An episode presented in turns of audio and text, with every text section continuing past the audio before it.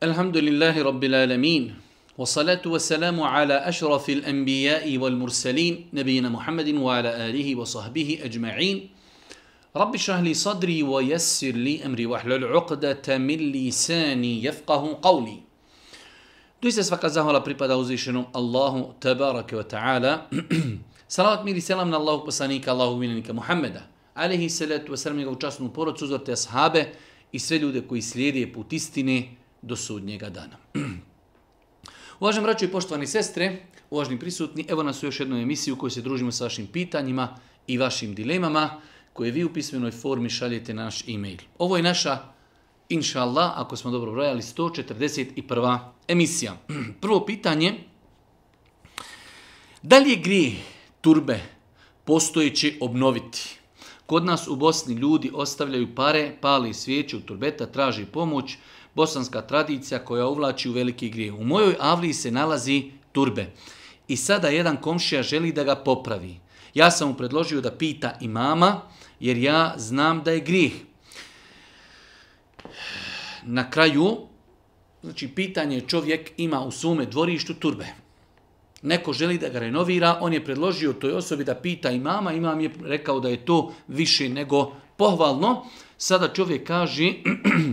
kako može naš imam to reći ili ja nisam u pravu u smislu da je čovjek stava da to ne treba renovirati iz razloga što se za turbeta vezuju mnogi šerijetski prekršaji. E, bez obzira o kom je se radilo, ali turbeta e, nemaju svoje utemeljenje u islamu. Allahu poslanik, alihi salatu wasalam, u vjerodostojnim hadisima jasno je zabranio gradnju nad kaburovima znači u vjerodostinu hadisima, Allah poslanik alaihi salatu wasalam jasno je zabranio gradnju nad kaburovima. Samim tim, sve što se izgradi na, na, nad kaburom je neispravno. Renovirati i e, učestvovati u onome što je izgrađeno kao je neispravno, definitivno je neispravan i zabranjen čin, tako da e, osoba koja je postavila pitanje je u pravu ne treba dozvoljavati drugim osobama da investiraju, da ulažu, da renoviraju turbeta, pošto smo kazali da je Allah poslanik alih sredetu vaselam jasno zabranio bilo kakvu gradnju na kaburovima. Drugo pitanje, imam, pitanje od deset, imam dijete od 10 godina, ima poteškoća, nemiran je, plaći i tako dalje. E, na kraju je pitanje, E, može li da mu nabavimo neku hamailiju? Može li da znači dijete koje ima svojih zdravstvenih problema, plaći, e, bježi i tako dalje, teško ga je smiriti, da li to se može rješavati putem hamailije? E, Kačenje hamailija na dijete ili na bilo koga drugog s ciljem da to nekoga izliječi ili da mu pribavi kakvu korist ili da ga zaštiti od neke štete je neispravan način liječenja. Allah poslanik alaih salatu wasalam strogo je zabranio da insan na sebe kači bilo kakve amulete, e, zapise, talismane, hamajlije, znači sve je to zabranjeno, strogo zabranjeno niti je to ispravno pisati, niti je to ispravno plaćati, niti je to ispravno naplaćivati, niti je to ispravno, niti dozvoljeno kačiti na sebe s ciljem da će to insana liječiti. Ako dijete ima nekih e, problema, imamo dva načina i dvije metode kako se mo može liječiti medicinski i na kraju krajeva učenjem Kur'ana, takozvana rukja. Učenjem Kur'ana, takozvana rukja, otići kod osobe koja provjereno liječi ispravno liječi učenjem Kur'ana. Treće pitanje, da li je istina da poslanik Muhammed nije učio Fatihu, a mi to praktikujemo? Ovo pitanje je malo nejasno, ali e, Boži poslanik je učio Fatihu u namazu. Nam, e, Fatiha je jedan od najbitnijih temelja namaza. La salata limen lem yaqra bi Fatihati al-kitab. Allah poslanik kaže nije validan namaz onome ko ne prouči Fatihu. Ali ono što ako se pitanje odnosi da li se Fatiha uči kao što se kod nas uči e, po nekim ceremonijama, po nekim e, znači e, situacijama Fatiha za Mejita, Fatiha za ovo, Fatiha na dženazi, Fatiha na Mevludu, Fatiha ovdje, Fatiha ondje, To nije bila praksa Božijeg poslanika, ali ih i se letu sram. Pitanje je, da li je istina da poslanik nije učio Fatihu, a mi to praktikujemo? Da. Istina je, nije zabilježeno niti u bilo kakvom hadisu da je Allah poslanik rekao El Fatiha i hajde da mi proučimo Fatihu za nekog insana. Da li je to tačno? Da. Tačno je da Božji poslanik to nikada nije uradio. Poštovanje, našao sam zapis u kući. Molim vas, ako možete da mi kažete šta znači zapis od hođi.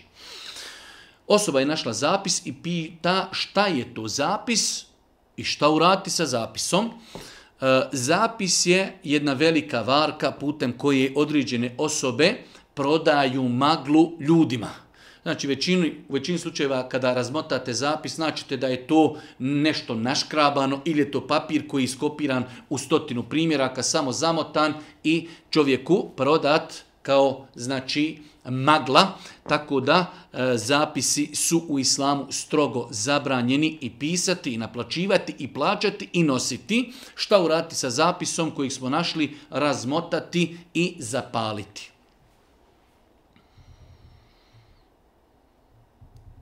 Esselamu alaikum, tijela bih da pitam. Čujem da žena koja obavlja namaz bez čarapa, da njih namaz nije validan. Da li je to istina? Ja sam razumjela od prije da samo ako si u džematu da treba da nosi se čarapi, ja živim sama i u kući klanjam bez čarapa, da li je moj namaz validan? Kada je u pitanju pokrivanje stopala u namazu, kada je u pitanju žena, žena koja klanja u kući, njen namaz je inšala bizna ispravan ako klanja, a nije znači obukla čarape ili nije pokrila stopala. Svakako da je ljepši i bolji da žena i u kući pokrije stopala čarapama. Ali Allah najbolje zna namaz žene koja bi klanjala u kući, gdje nema znači muškaraca koji su stranci za nju, njen namaz otkrivenih stopala je ispravan. Za razliku kada žena ide u džamiju, ipak, znači, e, gdje će je vidjeti muškarci, džematlije, ide putem i tako dalje. U takvoj situaciji žena prilikom izlaska iz kuće treba da obuče čarape i da pokrije stopala i samim tim i u namazu u džamiji će klanjati pokrivenih stopala. Znači, namaz otkrivenih stopala u kući je ispravan. Svakako da je lijepo i pohvalno pokriti stopala. Prilikom izlaska iz kuće žena treba da pokrije stopala, ipak ne dolikuje ženi, vjernici, mu'minki, koja nosi mahramu, nosi džilbab, a da dole, znači, njena stopala nisu pokrivena i samim tim prilikom odlaska u džamiju žena treba da nosi čarape i da pokrije svoje stopala. Šesto pitanje, znam da žena ne može ići bez mahreme na hađ, međutim, u mom selu jedna žena otišla je na hađ, ima oko 55-60 godina bez mahrema. I rekla nam je da žena kojoj prestani mjesečnica, kada je u menopauzi, da može ići bez mahrema. Da li je to tačno? Znači u nekom selu ima e, osoba koja je išla na hađ, kada su je pitali zašto je išla bez mahrema, ona je kazala da žene koje su u menopauzi da mogu da idu bez mahrema. U svakom slučaju, e, pitanje odlaska ženi na hađ bez e, mahrema je pitanje u pogledu kojeg islamski učenjaci već od davnina imaju razilaženje. Ono što treba znati jeste da naš mezheb koji je zastupljen u Bosni i Hercegovini, hanefijski mezheb, u osnovi e, naređivao i smatrao je e, obaveznim ženi koja želi da ide na hađ da ima pratnju staratelja, odnosno mahrema. To je jedna stvar. Druga stvar, e, dio učenjaka smatrao je, dio učenjaka smatrao je da žena ako putuje eh, u skupini žena i muškaraca koji su povjerljivi, koji mogu, da kažemo, i zaštititi, čuvati njenu čast, iako bi imala neki drugi zdravstveni potreba, da ako ide prvi puta na hač, znači ako je to farz hač, ako ide prvi puta, da je to dozvoljeno, tog mezeva su bili šafijski i malikijski eh, mezevi i njihovi učenjaci, tako da u tom pogledu uh, E, znači jako je razilaženje među učinjacima. Ima rivajet od imama Ahmeda da je smatrao da starije žene mogu ići bez mahrema, mlađe ne mogu. Nije mi poznato da je neko od učenjaka e, stavio odrednicu žena koja je u menopauzi, žena koja nije. Tako da e, ovo mišljenje mi je nepoznato. Mezheb Hanefijski smatra da je ženi obaveza da kada ide na hađ da ima mahrema. E, dva mezheba su smatrala na osnovu svojih opet dokaza da žene koje idu prvi put na hač i ako putuju u skupini povjeljivih muškaraca i žena, znači ne boje se za svoju čast, za svoju vjeru i tako dalje, da mogu, iako Bog da, da nisu griješne. Tako da, e, ja lično sam tog nekog stava da žena ako ide prvi puta, uh, ako ide u skupini muškaraca, povjerili muškaraca i žena, u današnje vrijeme se putuje avionima, uz Allahu pomoć nadamo se da žena koja ode e, pod ovim uvjetima, ako Bog da, da nije griješna. Esselamu alaikum, praktikujem sunne dizanja ruku u namazu i kada klanjam namaz u džematu, Efendija kaže da je to da to nije ispravno i da druge klanjače remetim kad to radim. Da li taj sunnet ostaviti kad sam u džematu ili ga praktikovati? Pitanje je znači da li dizati ruke u namazu. E, ono što je meni ovdje zasmetalo u ovom pitanju jeste da neko tvrdi da je neispravno dizati ruke u namazu.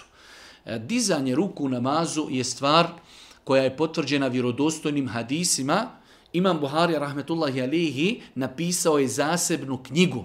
Zasebnu knjigu u kojoj je argumentovano govorio o pitanju dizanja ruku u namazu, tako da, e, znači, e, ashabi Božih poslanika, alihi salatu wasalam, na samom početku Božih poslanika, što bilježi imam Buharija i Muslim, dizao je ruke u namazu, kod početnog tekbira, prilikom odlaska na ruku, prilikom povratka sa rukua i prilikom ustajanja, sa drugog rekiata na treći rekiat, znači to su četiri situacije u kojima je Boži poslanik dizao ruke.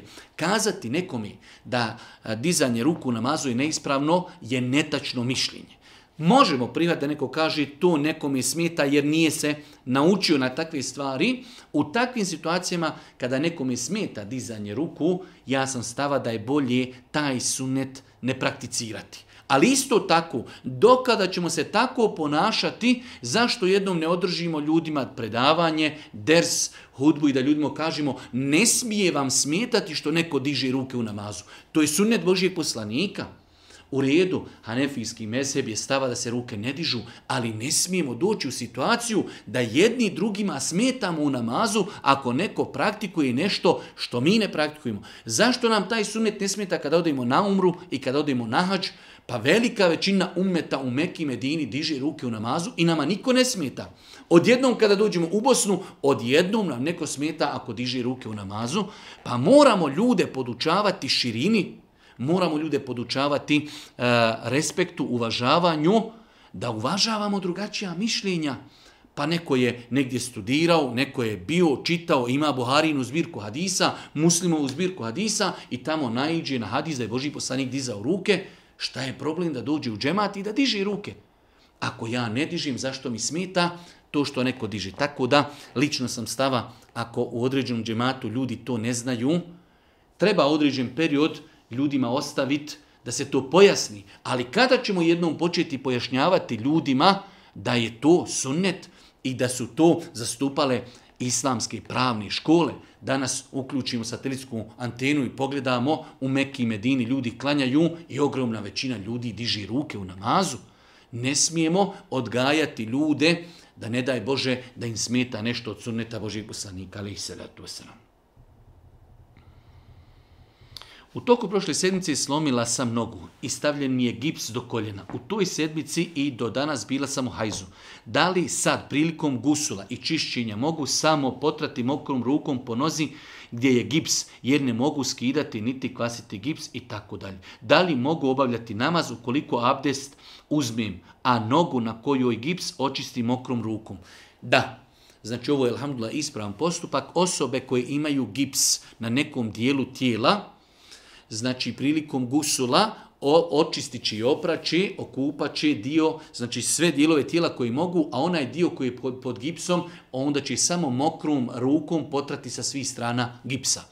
To je prilikom gusula. Prilikom abdesta, ako se nalazi gips na dijelu kojeg mi moramo prati prilikom abdesta na ruci ili na dijelu noge i tako dalje na zglobu, onda abdestimo sve dijelove tijela koje možemo oprati u abdestu, opraćemo. Ono što ne možemo od gipsa, taj dio ćemo, ako pretpostavili da nam je gips na, na, na ruci, znači tada ćemo oprati sve što možemo. Kada dođemo do pranja ruku, onda ćemo taj dio gipsa samo potrati mokrom rukom i ako Bog da tako uzeti abdest i tako uzeti gusul je validan i ispravan.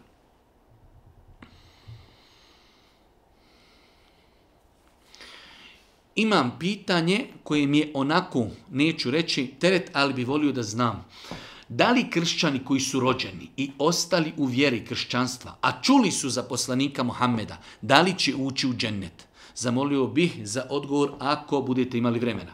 Znači, pitanje je da li kršćani u današnjem vremenu koji se rode kao kršćani, žive kao kršćani, čuli su za Mohameda ali i seletu selam, umru, nisu prihvatili islam, Kako je vjerovanje islama u pogledu tih ljudi?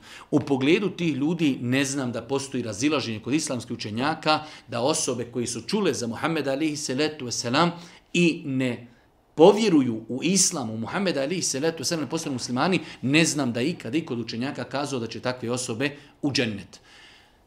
Islam takve ljude smatra nevjernicima. To što oni kažu, mi vjerujemo e, po kršćanskim načelima, e, Islam je vjera koja je de derogirala prijedhodni objave. Derogirala je znači ono čime su dolazili prijedhodni poslanice. Allah poslanik kaže u vjerodostornom hadisu, neće za mene čuti niti jedan kršćanin, niti jedan židov i ne povjerovati u mene, a da neće biti vječni stanovnik vatri. Jasan hadis kao odgovor baš na ovo pitanje. Neće za mene čuti ni jedan kršćanin, niti jedan židov i ne povjerovati u mene i umrije na tome, a da neće biti vječni stanovnik vatri. Znači, islam, ljude koji nisu muslimani, smatra nevjernicima, bez obzira što oni kažu da u nešto vjeruju jedino vjerovanje inna dina inda Allahil islam jedino ispravno vjerovanje koje se privata kod uzvišnog Allaha jeste vjerovanje onako kako nas je podučio Muhammed alihi salatu wasalam vjerovati u Kur'an, vjerovati u poslanicu Muhammed alihi salatu wasalam vjerovati da nima poslanika nakon Muhammeda, vjerovati da je Isus samo poslanik, da nima nikakvih božanskih da nima nikakvih božanskih osobina. Deseto pitanje, ako džamija u kojoj se klanja džuma namaz ima svoju vodu i svoju česmu, i ako neko od džematlja krini na džumu e, sa nijetom da u toj džamiji abdesti, na njenoj česmi da uzme abdest i onda se desi da nestane vode pred namaz. Da li će čovjek uzeti tejemum i klanjati džumu namaz? Znači, radi se o situaciji da je čovjek došao na džumu s namjerom da će uzeti abdest u džamiji. Kada je došao u džamiju, počinje džuma, namaz, namaz, nema vode. Da li će taj insan, da li je to opravdan uzme temom kako bi stigao oklanjati džumu namaz? E, dio učenjaka je naveo konsenzus da u takvoj situaciji nije dozvan uzeti e, tejemom. Znači, zato što e, taj tejemom se uzima u situaciji kada nemamo vode ili se bojimo ili se bojimo da će korištenje vode nam štetiti. U ovoj situaciji, ako mi nemamo u džamiji vodi, možda negdje u drugoj kući, u prodavnici, kod naše kući, možemo se vratiti, uzeti abdest. Ako e, dođemo, ljudi već klanjali džumu, mi ćemo klanjati povodni namaz. Znači, pitanje je da li osoba koja dođe u džamiju, nema abdest, počela je džuma, e, da li može uzeti tejemom pa da klanja džumu, jer ako ode negdje drugo da uzima abdest, proći će džuma, mi kažemo treba otići da potraži vodu, da uzme abdest. Ako mogni stići džumu, klanjat će džumu. Ako ne stigni klanjati džumu, on ima još namasko vrijeme do ikindije, klanjat će podni namaz. Znači neki učenjaci u pogledu ovog pitanja naveli su konsenzus da se tada ne smije uzimati tejemum da bi stigli klanjati džumu. Mi ćemo otići, potrašćemo vodu u prodavnici, kod kući, kod neke druge osobe, abdestit ćemo, kada dođemo u džamiju, ako stignemo klanjati džumu, klanjat ćemo. Ako ne stignemo, klanjat ćemo podni namaz. Povodom vaše objave o dovama koji se ne odbijaju i zanima me, je li ispravno ako se molimo Allahu na našem jeziku, ako ne znamo, uputi dovu na arapsku. Ja sam objavljivao kod sebe na Facebook profilu hadize u kojima Boži poslanik kaže tri dove neće biti odbijene, pa je spomenuta tu dova roditelja za djecu i tako dalje. E sada je pitanje, uh, da li su to neke posebne dove koje mi moramo reći na arapskom ili to možemo dovu uputiti na svom maternjem jeziku, apsolutno. Kada u pitanju poglavlje dove čovjek pomeni, bolje je da dovi na maternjem jeziku i zna šta dovi, nego da uči neku arapsku dovu, a ne zna šta dovi. Čovjek će svojim riječima doviti gospodaru, podari mi zdravlje, sačuvaj me, učvrsti me, e, oprosti mojoj, mojoj majci, mome, otcu, učvrsti e, uputi moju djecu, zaštiti od smutnje, od izazova i tako dalje. Svojim riječima najbolje da čovjek dovu kaže ono što razumije, ono što će izaći iz njegovog srca. Tako da, e, da bi nečija dova bila primljena, nije uvijek da se kaže izrekni na arapskom jeziku, može se kazati na svom maternjem jeziku halal te na smjetnje, ali htjela sam da pitam jedno važno pitanje. Da li ima šta sporno da se ide na predavanja Hafizi Hanke Vlahovljak? I tako dalje. U svakom slučaju, moj neki menheđ i pravac je da ne govorim o imenima znači ljudi, ali nekada napravimo iznimke kao što smo napravili iznimku za eh, kada smo kratko govorili o Hafizu i Šejhu Jusufu Barčiću, rahmetullahi alihi. I u ovom slučaju, pošto je malo žena školovanih pismeni koje su aktivne i koje rade, eh, znači i u ovom slučaju kada je došlo pitanje o našoj Hafizi, eh, Hanki Vlahovljak, smatram da je jedan vid obavezi da se na ovakvu pitanju odgovori javno. Lično sam, da kažem, u nekoj E, porodičnoj vezi i poznanstvu sa porodcom Šeha Rusmira Čukovića i njegove supruge Hanke. E, ono što znam o njima jeste sve najpozitivnije.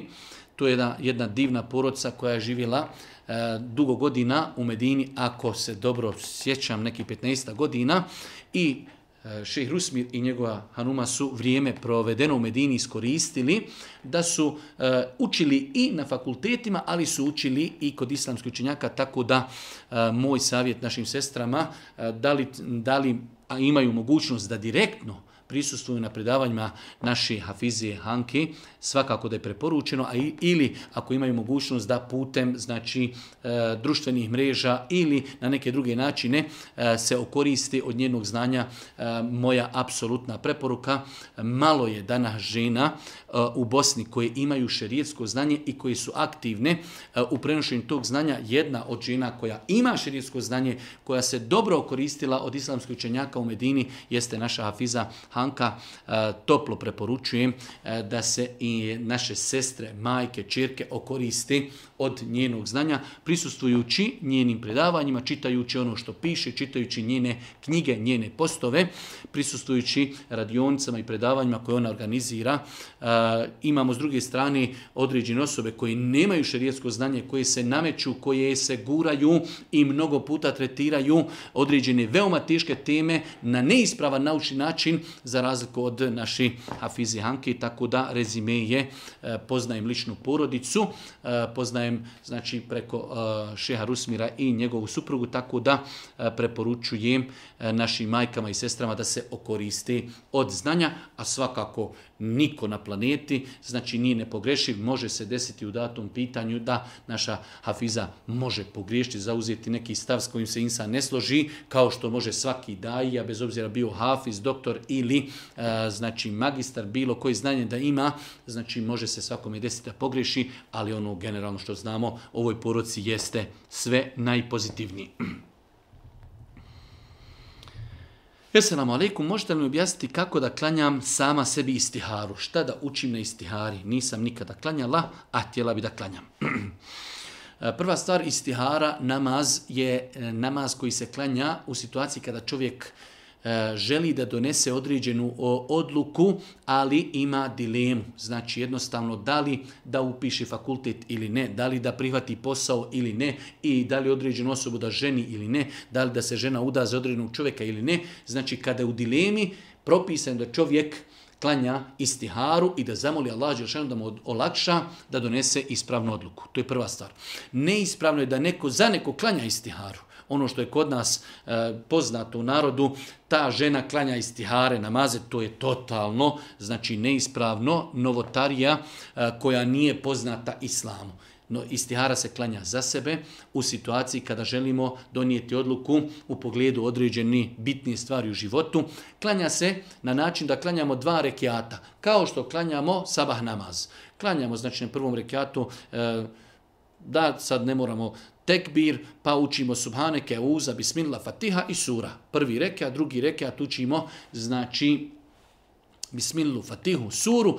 E, sada u pogledu istiharetske dovi postoji razilaženje, e, kada se uči, di učenjaka je kazao prije selama, di učenjaka je kazao poslije selama. U situaciji kada čovjek ne zna istiharetsku dovu, kao što je ovdje pitanje, onda je bolje istiharetsku dovu učiti poslije selama, uzeti je i pročitati je sa papira tako da predamo selam, uzeti papir ili mobitel i proučiti istiharetsku dovu. Znači, e, ako osoba ne zna istiharetsku dovu, onda po mom nekom skromnom mišljenju, e, koji sam opet preuzeo od određenih učenjaka, bolje je da se istiharetska dova uči poslije selama. Za osobe koje ne znaju istiharetsku dovu, e, znači predat će selam nakon dva rekiata, koja se klanjaju kao što se klanja sabahski farz, i nakon toga či uputi Allah subhanahu wa ta'ala dovu, istiharecku dovu koja je znači zabilježena u vjerodostojnim hadisima da je Allah poslanik svoje ashave podučavao istiharetskoj dovi da kada klanjaju znači namaz, želi istiharu da tu dovu prouči. Ima jedno pitanje od brata, sin, ima u subotu hatme. Da li je dozvoljeno da idem u džamiju za vrijeme hajza? znači jedna naša šestra, sestra želi da prisutuje hatma, mapa i pitanje e, ako je potrefi u tom periodu da bude u mjesečnici, da li može ići u džamiju. Lično sam stava da ne postoje dokazi jasni i vjerodostojni koji zabranjuju ženi boravak u džamiji, pogotovo ako ima potreba predavanje, tribina, e, hatme i nešto slično, tome i vjenčanje. E, E, nema smetnje, inša Allah, bitno je da se žene koje imaju mjesečnicu dobro zaštite higijenskim ulošcima, kako ne daj Bože prilikom sjedenja u džami ili kretanjem kroz džamiju, ne daj Bože ne bi, znači, e, krvlju e, onečistile džamiju, u protivnom nema inšala smetnje da žena uđe u džamiju i da boravi određen period ako zatim ima potrebu, bez obzira što se nalazi u periodu mjesečnici. Imam jedno pitanje koje me muči, slušao sam jednog predavača kako govori da je novotarija i grijeh kada se jezikom zanijeti bilo koji namaz i tako dalje, da li je to istina? Da, ispravno je da je novotarija, novotarija da čovjek uh, E, jezikom i riječima nije ti namaz. Boži poslanik je klanjao toliko namaza, stotine i hiljade namaza i ne postoji ni apokrifan hadis da je Boži poslanik rekao ne vej tu en usalije lillahi ta'ala i tako dalje. Tako da je to novotarija kojom ne treba umarati ljude. Čovjek primi islam i mi mu kažemo e, sad moraš naučiti nijed za sabah, farze pa za sunnete pa podne pa farzi pa sunneti pa ikindija pa sunneti pa farzi i tako sve namaze pa džuma pa dženar dženaza, pa muško, pa žensko, pa odraslo, pa dijete, pa bajram jedan, bajram drugi, toliko nije ta. Znači, čovjek je mogao naučiti desetak, 15 ili 20 sura, dok bi to naučio, a od toga nema nikakve koristi. Dovoljan je nijet u srcu čovjek kada hoće klanjati podni, zna u srcu, a šta sad klanjam? Hoću da klanjam dva rekiata podni sunneta. Allahu ekber. Dovoljno je znači ono što se nalazi u ljudskom srcu. Imam pitanje, da li je dozvoljno davati kurbansko meso psu ili mački? Osnova da kurbansko meso u pogledu toga kao meso nema posebnost da li je smijemo nekome dati ili ne. Pa kao što meso koje smo kupili u mesnici možemo dati mački, psu, dati muslimanu, nemuslimanu, bogatom, siromašnom, tako isto i kurbansko meso. E, svakako Nećemo kazati da je to pohvalno, ali u datom momentu e, neko to meso ne jede ili je u, u sastavnom dijelu kurbanskog mesa bilo nekih dijelova koji čovjek neće jesti, bolje je da to da životinji koja će pojesti i na taj način zaraditi sevap što je nahranio životinju, nego da to baci u kontejner. Tako da, znači ako ima potreba da se dio kurbanskog mesa da životinjama, bez obzira da to bila mačka ili znači pas, nema aspekta islama zabrani, niti ima šta sporno. Svakako da nećemo sada uzeti e, kurbansko meso i bacati ga životinjama, svakako da je e, jedan od ciljeva kurbana da podmirimo one koji su potrebni sirotinju, ali određene dijelove ako bi uzeli, pogotovo dijelove kurbana koji nećemo mi konzumirati, da li su to neki lojevi, da li su to neki određeni dijelovi koji mi nećemo jesti, bolje je to dati životinjama nego da se baci. Jedno duže pitanje, e, rezimije pitanja je e, suzdržavanje od hrani do klanja kurbana. Znači, ovaj brat kaže, pitao me je otac dvije noći prije kurban bajrama, da li ima ikakve utemeljnosti u islamu da se e, na dan kurbanskog bajrama posti sve dok se ne zakolje kurban i tako dalje. Dole kaže opet obojica, znamo da je zabranjeno postiti na dan bajrama i tako dalje. U svakom slučaju, potvrđeno je, sunetom Božih poslanika da Božih poslanik kada bi bio Ramazanski Bajram, da bi e, prije izlaska iz kuće nešto pojeo, znači nekoliko datula, kada je u pitanju Ramazan, zato što je prije toga postio, pa je lijepo da čovjek izađe iz kuće, a već zna da ne posti. Kada je u pitanju Kurbanski Bajram, pohvalno je i lijepo da čovjek, znači od kuće ode na Bajram, klanja Bajram, dođe kući, zakolje kurban i dio mesa odma, znači da se stavi, da se kuha i da prvu hranu koju pojedi, da bude njegov, znači meso njegovog kurbana. Ali je to prva stvar, možemo znati pohvalno, druga stvar, to nije post. Na dan Bajrama je zabranjeno postiti. To nije post, već je to sunnet Božijeg poslanika, ali i salatu selam da se odgodi konzumiranje hrani do momenta dok zakoljimo svoj kurban i da prva hrana koju konzumiramo da bude hrana našeg kurbana. Tako da je to jedan od sunnita, to nije obaveza, a druga stvar to nije post, post je ono što je od pojave zore do zalaska sunca. To je post, ovo je znači jedan od sunnita na dan kurbanskog bajrama. Govorili ste da je šišanje i friziranje žena koji će otkrivene hodati pomaganju u grihu.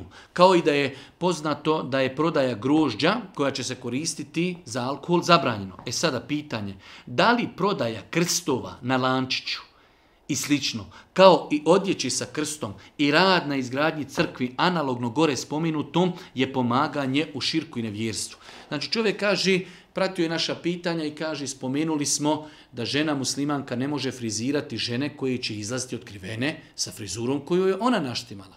Isto tako ne može se prodavati alkohol, ako, eh, grožđe, ako znamo da će se grožđe koristi za alkohol. Analogno tome kao da li je e, prodavanje krstova ili odjeće na kojima ima krst ili izgradnja crkve pomaganje nevjerstva, da. Znači, e, prodavati krstove, E, prodavati odjeću na koju ima jasno nacrtan krst, ciljano krst, ili pomagati izgradnju crkvi, definitivno je pomaganje griha, jer mi muslimani smatramo e, znači, e, da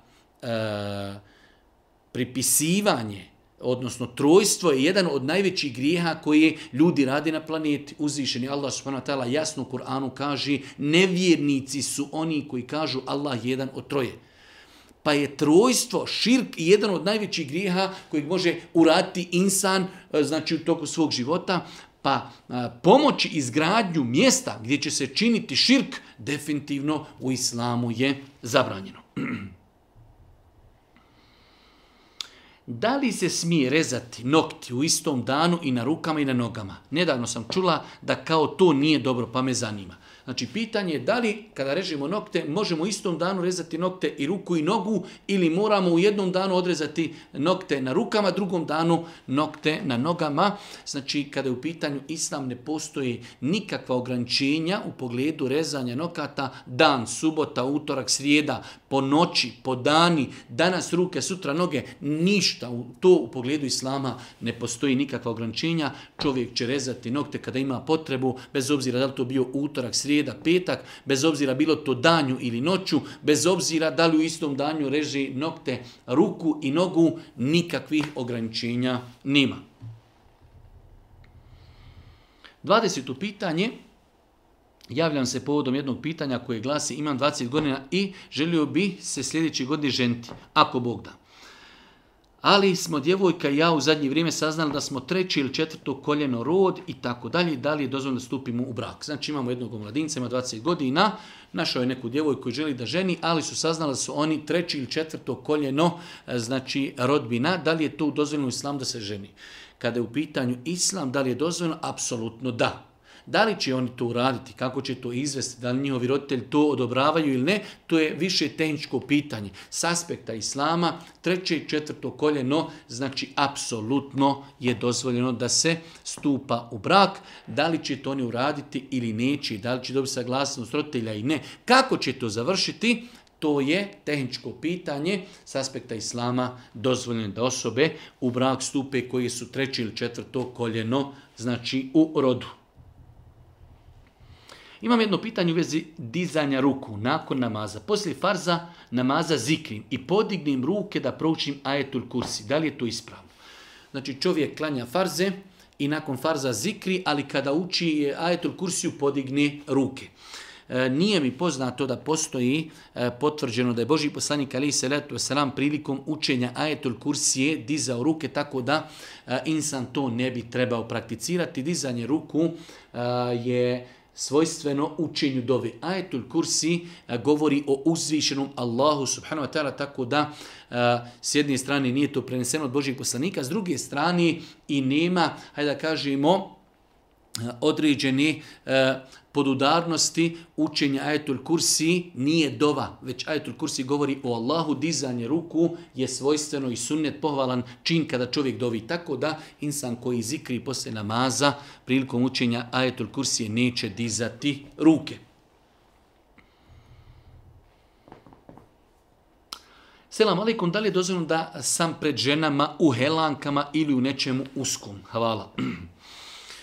Islamski učenjaci su kazali da žena pred ženama treba da pokrije avrete odjećom koja nije uska i koja ne oslikava, znači da oslikava e, konture i dijelove e, njenog avreta. Tako da helanke definitivno znači su preuska odjeća koju žena ne bi nikako trebala da nosi e, niti pred ženama, a niti pred e, svojim mahremima. Tako da e, znači nositi e, nešto što totalno oslikava dijelove tijela koji su avret, znači jer e, helanke se oblači na dijelove tijela koji su avreti kod žene, e, tako da islamski učenjaci savremenog doba koji su bili pitanje ovakva pitanja, velik broj savremenih učenjaka dao je odgovor da nije dozvoljno ženi da pred drugim ženama nosi helanke, znači ili da nosi helanke pred muškarcima koji su joj mahremi helanke može nositi pred svojim čovjekom.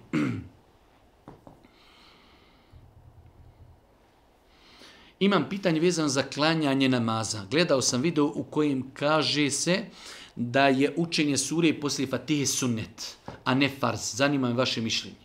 Čovjek je gledao, poslao mi je link jednog daju iz, mislim da iz Britanije, u kojem še spominje da je učenje uh, fatih, e, učenje suri nakon fatihe u namazu da je to pohvalan čin, da li je to tačno? Apsolutno da. Znači neki učenjaci u pogledu ovog pitanja navodi konsenzus. Kada klanjamo, kada proučimo fatihu, lijepo i pohvalno u fatihu da proučimo nešto od Kur'ana, e, kada bi čovjek zaustavio se posle fatihi i otišao na ruku, njegov namaz je validan, čak neki učenjaci navodi skoro pa konsenzus islamskog učenjaka u pogledu toga, tako da znači e, učenje suri nakon fatihu namazu je pohvalan, pohvalan čin.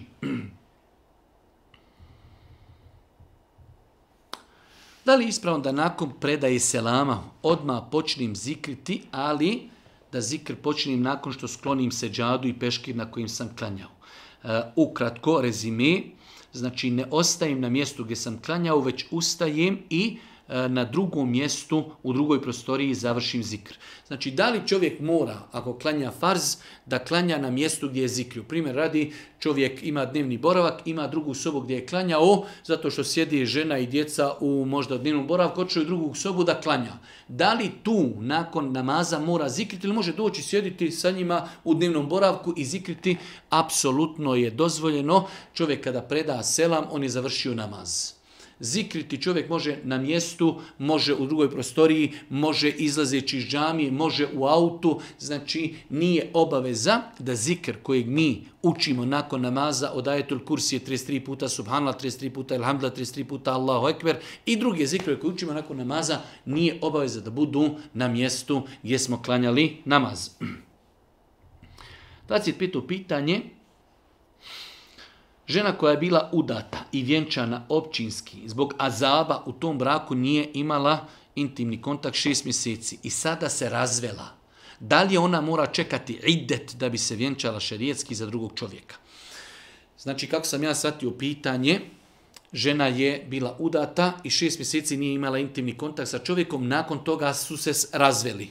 Da li treba priček da počne od razvoda ili zato što oni već 6 mjeseci nisu imali intimni kontakt, da li se već to broji kao priček? Ne. Priček počinje od onog momenta idet kada čovjek da razvod ženi.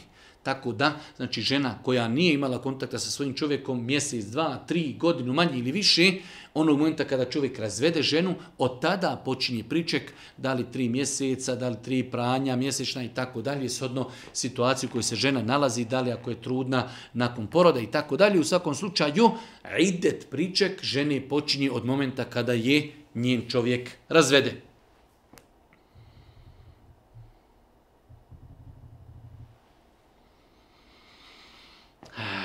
djevojka sam koja uskoro treba stupiti u brak i liječim se već duže vremena od sihra i tako dalje. U svakom slučaju zanima me da li je potrebno čekati sa intimnim odnosom do izlječenja i ima li štete ukoliko se desi odnos. Pitanje je znači, da li osoba koja stupa u brak i liječi se od sihra treba čekati sa stupanjem u intimne kontakte sa svojim budućim čovjekom dok se ne izliječi? Apsolutno ne može se desiti da se određena osoba liječi 5 godina, 7 godina. Da li to znači da taj cijeli period treba čekati? Udala se, ali čeka dok se izliječi, apsolutno netačno. Intimni kontakt nema nikakve veze, e, generalno gledajući nema nikakve veze sa sihrom, tako da osoba koja se uda ima problema sa sihrom, treba budućem čovjeku i čovjek i žena da jedno drugom kažu imam problema sa sihrom, liječim se, čisto da zna, a nakon toga kada se vjenčaju, oni imaju pravo na intimni kontakt od momenta kada se vjenčaju. Treba mi samjet od vas, od rodice sin, ima 20 godina. Majka i otac klanjaju, a on je skroz otišao od islama. Otac na silu sve radi, da sin klanja.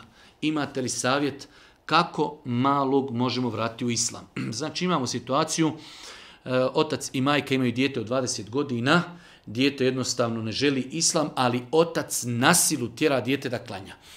Eh, mi mora da znamo eh, da kao što nije dozvoljeno, nije dozvoljeno da ljude nasilu ugonimo u islam, la i krahe fidin. Isto tako i da gonimo nekoga nasilu mimo njegove volje da on to klanja. Ono što roditelji mogu jeste savjet. Savjet kritika, upozorenje, citiranje hadisa koji govori o vrijednosti namaza, citiranje argumenata koji govori o opasnosti i ostavljanju namaza, ali nekoga nasilu goniti, Allah najbolji zna, to može samo polučiti kontraefekat. Dijete od 20 godina je već dijete punoljetno i snosi odgovornost za sebe i za svoje postupke. Pred Allahom Đelešanhu, svakako da roditelj ima i moralnu i vjersku obavezu da brini o tom djetetu, da ga savjetuje, da ga kritikuje, da ga nadziri i tako dalje. Ono što roditelj može jeste savjet, kritika, poziv, upozorenje, citiranje ajeta, citiranje hadisa. To je ono što može, a nasilu goniti djete, mislim da na taj način se može samo postići kontraefekat da dijete se još dalje udalji i da još više, ne daj Bože, i zamrzi i, zamrzi i vjeru i namaz i ostalo.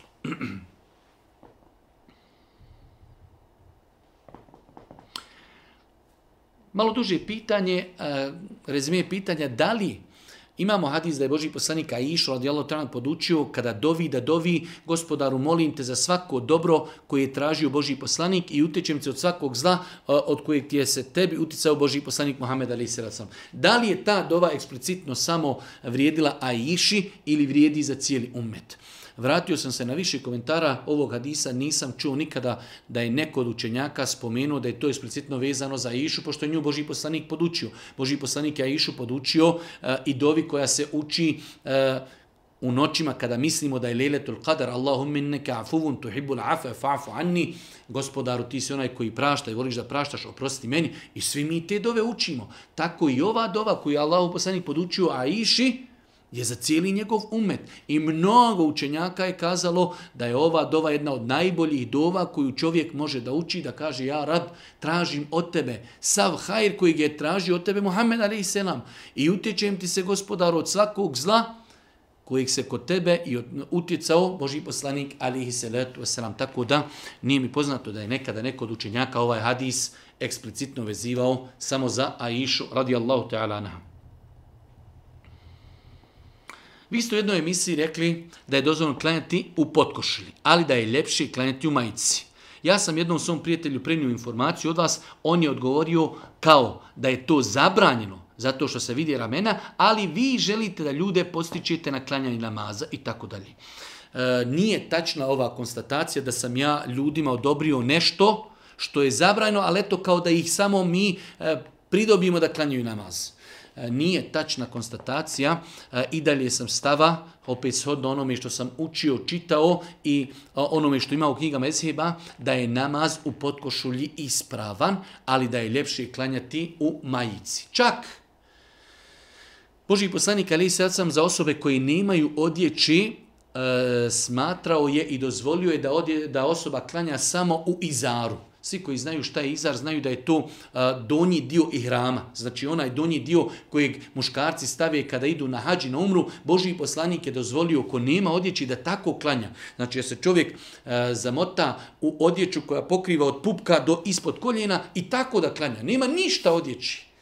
Imaju hadisi gdje je Allah poslanik ali sam kazao nemojte klanjati osim da imate nešto na svojim ramenima, ali islamsku činjaci su kazali da je to pohvalno i lijepo. Zato džumhur učenjaka je smatrao znači da nije obavezo u namazu pokriti ramena, ali mi smo rekli dozvoljno klanjati u podkošulji, ali je lijepo zato što stojimo pred Allahom, gospodarom zemlje i nebesa, treba se pokriti znači u namazu na najljepši mogući način, ali klanjati namaz u podkošulji definitivno je ispravno i nije to uh, nešto zabranjeno što smo mi dozvolili ljudima kao da ljudi samo počnu klanjati, takva konstatacija je definitivno definitivno neispravna i dalje ostajemo pri stavu namaz u potkošulji je ispravan, ali je bolje klanjati u majici.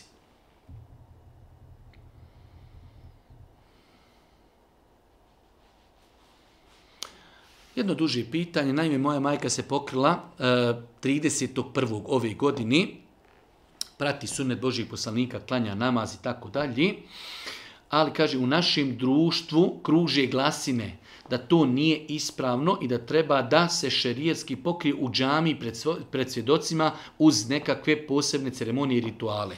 Znači imamo našu sestru jednu koja se pokrila u januaru, e, žena klanja, posti, uči Kur'an i tako dalje, mnoge stvari, ali Naš narod jednostavno zato što nema više šta drugo rješavati probleme, rješavaju tuđe probleme, te naši sestri koja se pokrila, e sad njeno pokrivanje neispravno jer nije bila posebna ceremonija u džami u vezi njenog hijjaba, Takav stav je apsolutno netačan, ne postoji nikakav argument koji obavezuje neku sestru koja počinje nositi hijab, da joj se mora neka dova, neka ceremonija, neko okupljanje. Znači, onog momenta kada žena odluči da počne nositi mahramu, izlazi iz kuće, danas počne nositi mahramu, molite Allaha da je učvrsti na putu istine, nikakva ceremonija, nikakva dova, nikakvo okupljanje, ništa nije potrebno. predzadnje pitanje, da li je dozvoljeno da se zlato prodaje za pare i da se te pare uzmu za sobstvene troškove? E, malo i čudno pitanje, ali eto ljudi pitaju, e, znači e, da li mi zlato koje imamo možemo prodati za pare? U smislu ne mora da to bude mijenjanje zlata za zlato. Može svakako da se zlato može prodati za novac, čak šta više zlato. E, ispravnije je da se prodaje zlato za pare nego da ga mijenjamo zlato za zlato. Velik broj ljudi ne zna da e, prilikom mijenjanja zlato za zlato nije ispravno da mijenjamo 10 grama starog za 5 novog. To je kamata čista. E, u takvim slučajima ako imamo staro zlato moramo ga prvo prodati, uzeti novac, nakon toga kupiti novo zlato, tako da prodaja zlata za prodaja zlata za novac je i te kako ispravno. I posljednje pitanje u večerašnjoj emisiji. Hoću da postavim jedno pitanje. Rekli ste da ne može biti svjedok neko od majčini strani. I tako mene zanima da li je moj brak ispravan pošto smo svjedoci bili s majčini strani. Uh, Neko je pogrežno shvatio naše pitanje pa nam je postavio ovo pitanje. Nikada nisam u životu kazao da svjedoci prilikom sklapanja braka ne mogu biti e, znači neko koji je e, s majčini strani. Već sam kazao da ne može s majčini strani biti staratelj. Različit je termin staratelj. Staratelj je neko ko daje saglasnu za udaju određene ženske osobe. Staratelj mora biti iz muške lozi od oca znači. Ne može biti žensko, niti može biti muškarac iz majčine lozi. A svjedoci može da bude svjedok iz majčini loze iz očevi. Neko ko nam nije rodbina, bitno je da bude povjerljiv, neko ko praktikuje islam. Tako da razlika je biti svjedok na vjenčanju, a razlika je biti staratelj. Staratelj djevojci treba da bude ili otac ili neki drugi muškarac iz očeve lozi. Ne može žena biti ženi e, staratelj, niti mogu biti muškarci iz majčini lozi. To je ono što su islamski učenjaci kazali, a svjedok može biti neko ko je rodbina i neko ko nije rodbina. Molim Allah Žešanu da nam podari dobro i dunjalka i hireta, da nam podari korisno znanje, da nas učiti na putu istine i da nam bude milostiv na sudnjem danu. Oh, oh, oh.